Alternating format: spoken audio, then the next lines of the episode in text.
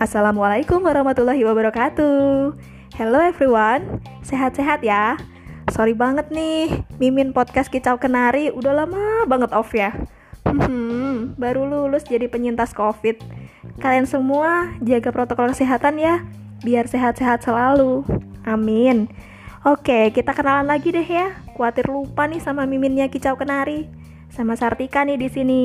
Entah episode yang keberapa nih sekarang, udah lumayan banyak loh. Yeay.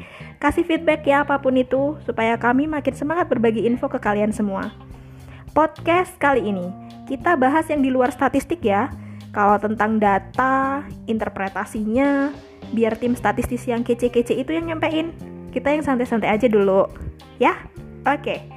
Kita kali ini mau ngebahas sakit apa itu sistem akuntabilitas kinerja instansi pemerintah.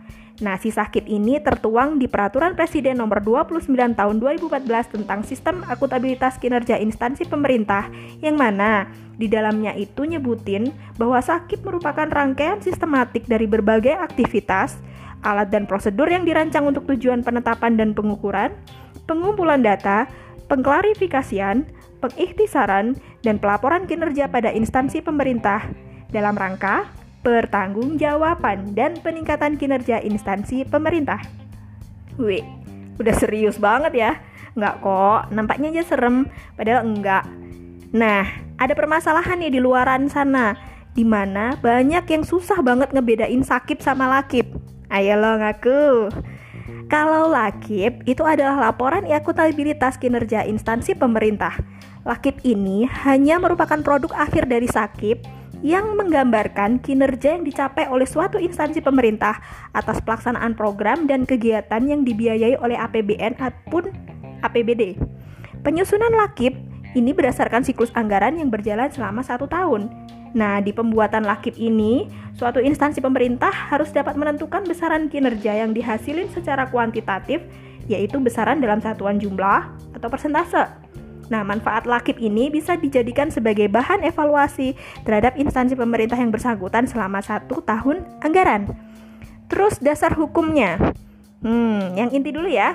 Jadi ada pedoman sakip Kementerian Lembaga di Peraturan Presiden Nomor 29 Tahun 2014. Terus ada tata cara penyusunan rencana strategis Kementerian Lembaga tahun 2020 sampai 2024 di Peraturan Menteri PPN atau Kepala Bappenas RI nomor 5 tahun 2019.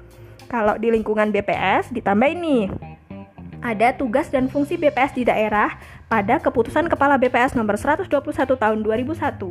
Selanjutnya ada pedoman sakit di lingkungan BPS di Perka BPS nomor 9 tahun 2015. Indikator kinerja utama BPS tahun 2020 sampai 2024 ditetapkan melalui Perka BPS nomor 38 tahun 2020 dan Renstra BPS tahun 2020 sampai 2024 ditetapkan melalui Perka BPS nomor 36 tahun 2020.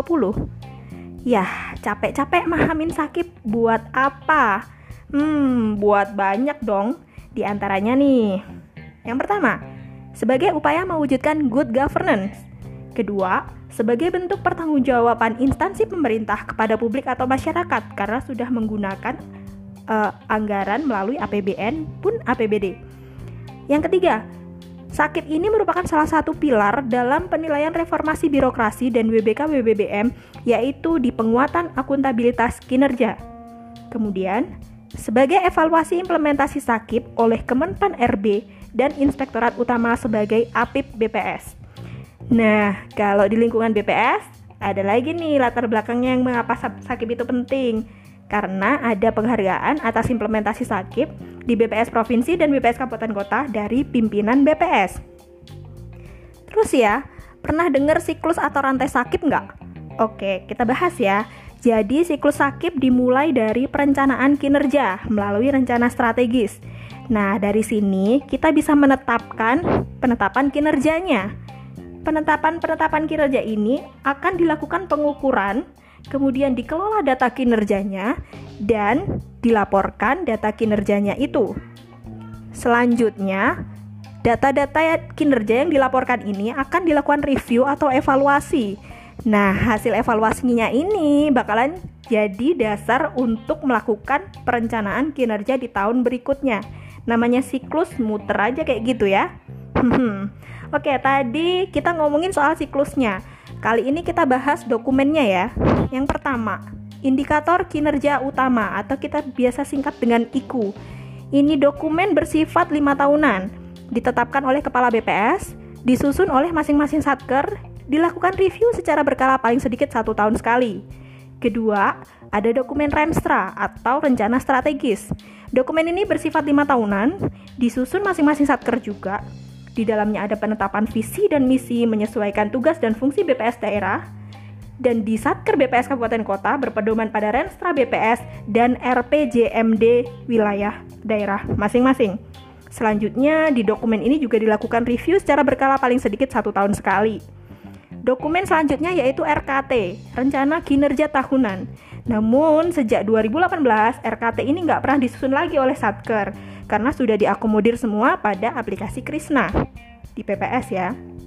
Selanjutnya, dokumen yang keempat adalah penetapan kinerja. Nah, di penetapan kinerja atau yang biasa kita singkat PK, ini dokumen bersifat tahunan atau dalam satu tahun anggaran disusun oleh masing-masing satker, selambat-lambatnya disampaikan ke Binagram BPS tiga bulan setelah tahun anggaran berjalan. Dilakukan juga pengukuran terhadap kinerja secara triwulanan yang dalam hal ini dapat menggunakan FRA atau formulir rencana aksi kalau di BPS. Kemudian dilakukan review apabila ada review indikator kinerja utama. Jadi ya, kalau ikunya direview secara otomatis PK juga akan direview. Oke?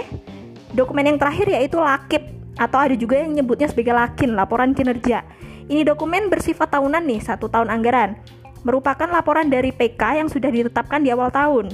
Kemudian, dan ya tetap disusun oleh masing-masing satker dan wajib dipublish paling lambat tanggal 1 Maret tahun anggaran berikutnya. Spesial catatan nih, indikator dan target kinerja pada semua dokumen tersebut harus dan wajib selaras atau sama persis. Jika tidak sama, maka harus dibuatkan surat pernyataan atas perbedaan yang disertai dengan alasan dan ditandatangani oleh kepala satker sebagai legalitasnya. Oke, sekarang tahapan dan kapannya disusun dokumen-dokumen yang tadi kita rinci ya. Jadi di bulan Januari kita menyusun SOP, SOP atau standar operasional prosedur untuk uh, pengelolaan data kinerja. Selanjutnya dibentuk juga tim sakip dan di SK kan melalui SK Kepala BPS Kabupaten Kota atau Satker ya. Kemudian dari rentang Januari sampai Maret disusunlah IKU, Renstra, IKI, FRA, PK. Nah, mulai dari April sampai Desember dilakukan pengukuran kinerja atas apa-apa yang sudah ditetapkan melalui PK. Kemudian, sebagai pertanggungjawabannya, di akhir tahun atau di awal tahun berikutnya akan dilakukan penyusunan lakip atau lakin, laporan kinerja. Nah, apa nih tantangannya sakip? Oke, tantangannya kalau saya mengkategorikan ada tiga ya. Jadi ada yang pertama capaian kinerjanya. Nah, atas capaian kinerja ini kita harus melakukan inovasi dan memperoleh penghargaan. Kemudian FRA triwulanan juga harus dilengkapi dengan dokumen sumber yang selaras dengan realisasi FRA triwulanan. Kemudian dokumen sertifikat penghargaan juga harus dilampirin ya di sini. Nah, tantangan yang kedua, sakit ini juga perlu ditingkatkan. Jadi, untuk meningkatkannya, perlu komitmen pimpinan dalam pengimplementasian sakit di satuan kerja atau unit kerja. Kemudian, untuk pengisian FRA harus sesuai juga dengan bukti dukung Selanjutnya adalah melengkapi dokumen sakit yang seperti kita ketahui ada Renstra, laporan kinerja, PK, notulen, SK, bukti dukung, notulen, e, piagam, dan lain sebagainya. Selanjutnya yang ketiga nih, tantangannya adalah penilaian sakit oleh APIP, yaitu Inspektorat dan Kementerian Pendayagunaan Aparatur Negara RB. Nah, APIP juga, juga melakukan penilaian sakit melalui mekanisme desk evaluation atau field evaluation atas sakitnya satuan kerja di BPS Selindo. Nah, Kemenpan RB juga melakukan penilaian melalui e-sakit review. Nah, sekarang kita ngomongin soal e-sakit review ya. Jadi, e-sakit review ini adalah sistem aplikasi yang dibangun oleh Kementerian Pendayagunaan Aparatur Negara dan Reformasi Birokrasi sebagai upaya peningkatan kualitas pelaksanaan akuntabilitas kinerja di lingkungan instansi pemerintah untuk meningkatkan efektivitas dan efisiensi penggunaan anggaran. Sistem ini tujuannya sebagai sarana pembinaan interaktif, pelaksanaan akuntabilitas kinerja instansi pemerintah, dan sarana penyampaian laporan kinerja secara online. Apa saja dokumen yang diupload di situ? Di situ ada dokumen perencanaan kinerja yaitu Renstra, IKU, PK, RKT, kemudian dokumen pengukurannya yaitu FRA, dan dokumen pelaporannya yaitu LAKIP. Nah, Penilaian ini nggak sembarangan. Ini nih pembobotannya berdasarkan Permen PAN RB nomor 12 tahun 2015 tentang pedoman evaluasi atas implementasi sistem akuntabilitas kinerja di instansi pemerintah. Untuk perencanaan kinerja diberi bobot 30%, untuk pengukuran kinerja 25%, pelaporan kinerja 15%, evaluasi internal 10%, capaian kinerja 20%, dan jika ditotal maka jadilah 100%. Tapi nggak usah terlalu dipikir serius. Pokoknya lakukan aja yang terbaik di semua tahapan dalam siklusnya. Aman dah. Oke, kalau untuk kriteria nilainya nih ada tujuh kriteria. Ada mulai D, C, CC, B, BB, A, dan AA. Di mana pun posisi nilaimu, pastikan tetap melakukan perbaikan dan peningkatan ya. Manfaatnya akan terasa dengan sendirinya kok. Oke, okay, finally I have to say goodbye nih dari episode kali ini. Kami komitmen supaya durasi podcast kami cuma sekitar 5 sampai 10 menit aja, tapi ini udah 11 menit.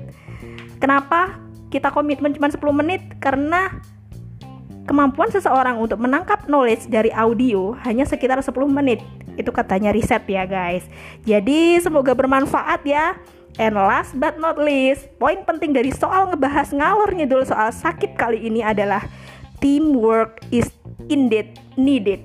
Dadah bye bye, see you in the next charming episode. Wassalamualaikum warahmatullahi wabarakatuh.